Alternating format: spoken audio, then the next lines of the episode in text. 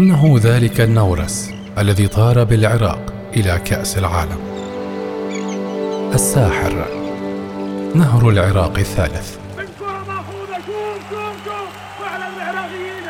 اللاعب الذي كان جمهور الخصم يحبه أيضا صاحب الهدف العراقي الوحيد في كأس العالم أحمد راضي.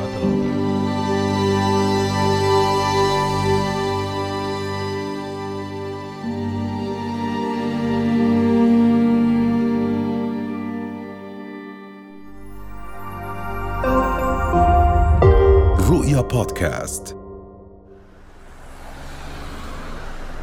ولد اللاعب والمدرب العراقي أحمد راضي الصالحي في الحادي والعشرين من نيسان عام 64 في بغداد في منطقة الكرخ غربية نهر دجلة.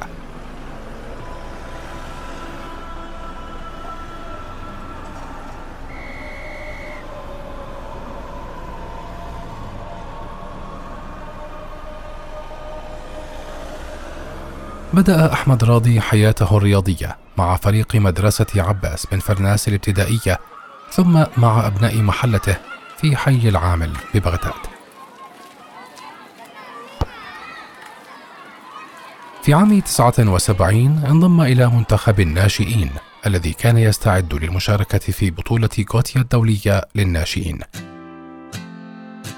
كانت بداية مشجعة لراضي الذي شارك لمدة عشر دقائق فقط في مباريات البطولة لكن هذه الدقائق منحته ثقة عالية لمواصلة مشواره الكروي كما ساعدت فريقه للفوز بالبطولة.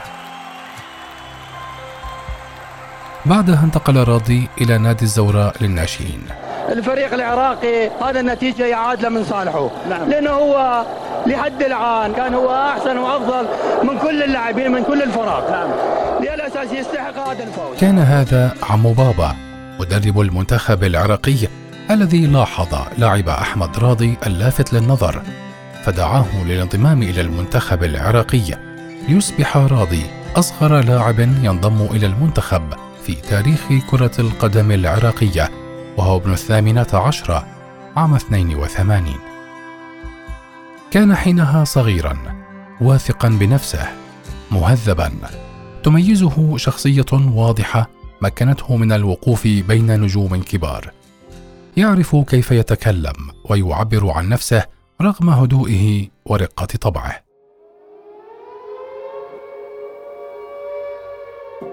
رغم الحرب العراقية الإيرانية كان وضع كرة القدم العراقية في فترة الثمانينيات ممتازا.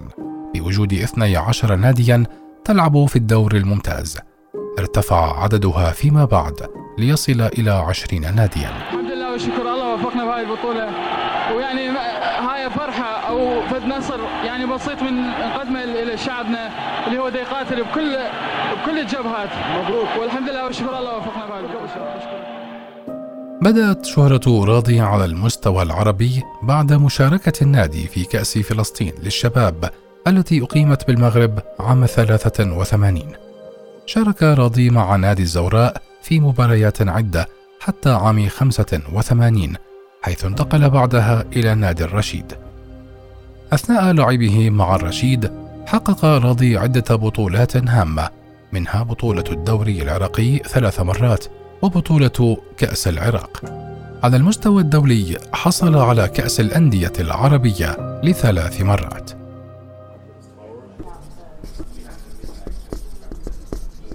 بعد صدور قرار الاتحاد العراقي بحل نادي الرشيد عام 89 عاد أحمد راضي إلى نادي الزوراء مجددا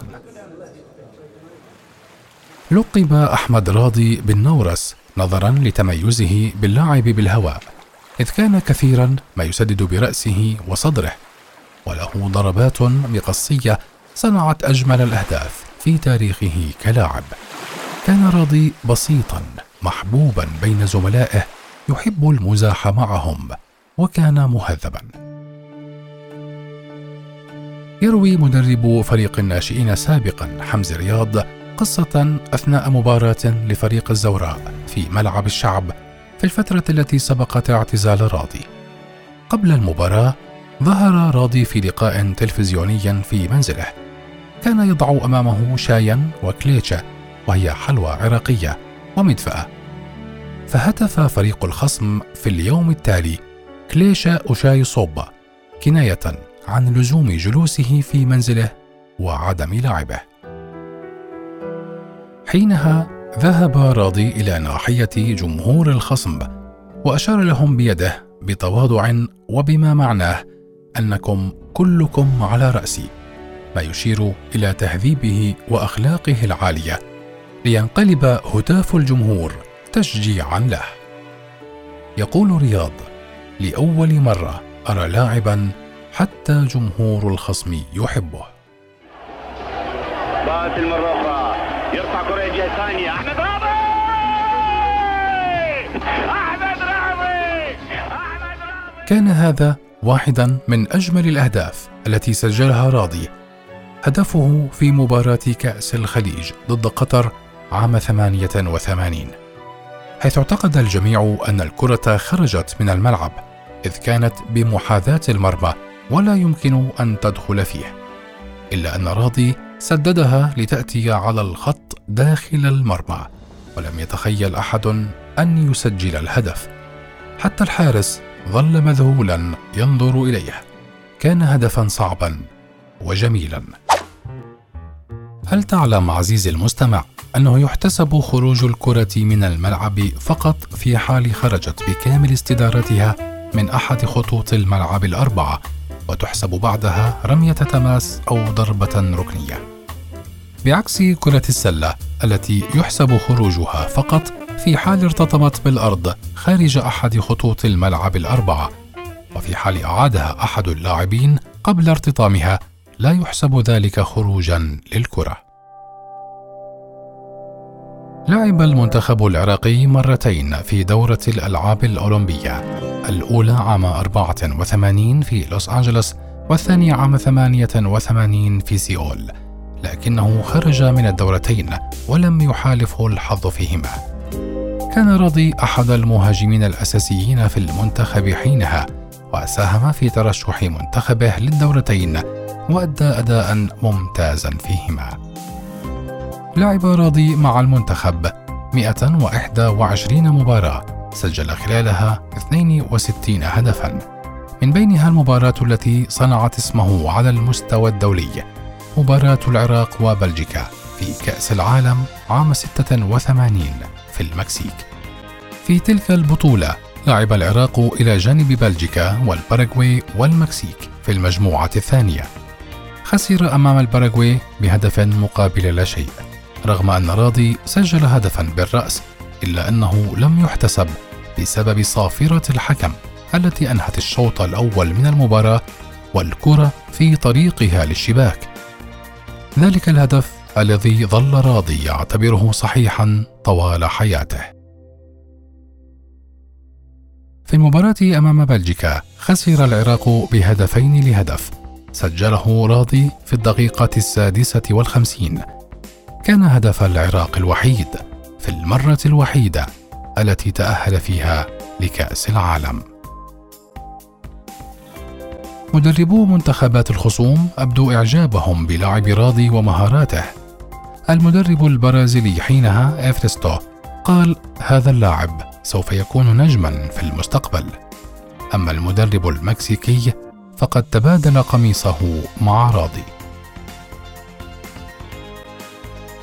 حصل راضي في مسيرته على عدة ألقاب منها لقب أفضل لاعب وأفضل هداف لثلاث مرات في دوري أبطال العرب. ولقب أفضل لاعب في العراق في دورة الأندية العراقية لست مرات وهداف الدوري العراقي عام 92 وهداف دوري أبطال آسيا عام 88 وأفضل لاعب في آسيا لنفس العام وأفضل لاعب وهداف في كأس العرب عام 85 وأفضل لاعب عربي لأربع مرات متتالية منذ عام 85 وحتى عام 88 كما تم تصنيفه من قبل الفيفا ضمن قائمة أفضل عشرة لاعبين عرب في القرن العشرين. بعد أن أنهى راضي مشواره كلاعب اتجه للتدريب سنة 99 واختار أن يدرب في نادي الشرطة للناشئين حتى عام 2001 ثم انتقل عام 2002 لتدريب فئة الناشئين في منتخب العراق قبل أن يصبح مدربا لنادي الزوراء عدة أشهر في العام نفسه ثم رئيسا للنادي في عامي 2002 2003 بعد غزو العراق عام 2003 اختار راضي العيش في الأردن لقرب عاداتها وتقاليدها من العراق ولأنه كان دائما يفكر في تعليم أولاده والاهتمام بمستقبلهم.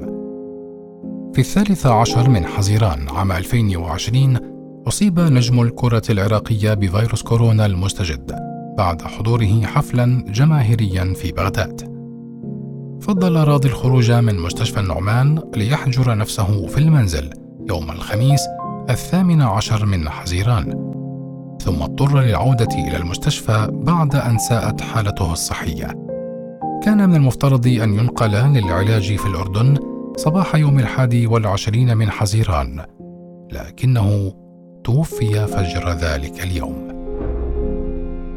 شيع جثمان راضي في العراق ودفن في مقبرة الكرخ ببغداد ورغم الحظر الصحي المفروض في العراق حينها إلا أن المئات من محبيه وجماهيره قدموا للمشاركة في جنازة النورس العراقي. 14 دقيقة الحافظ على النتيجة. وأحمد راضي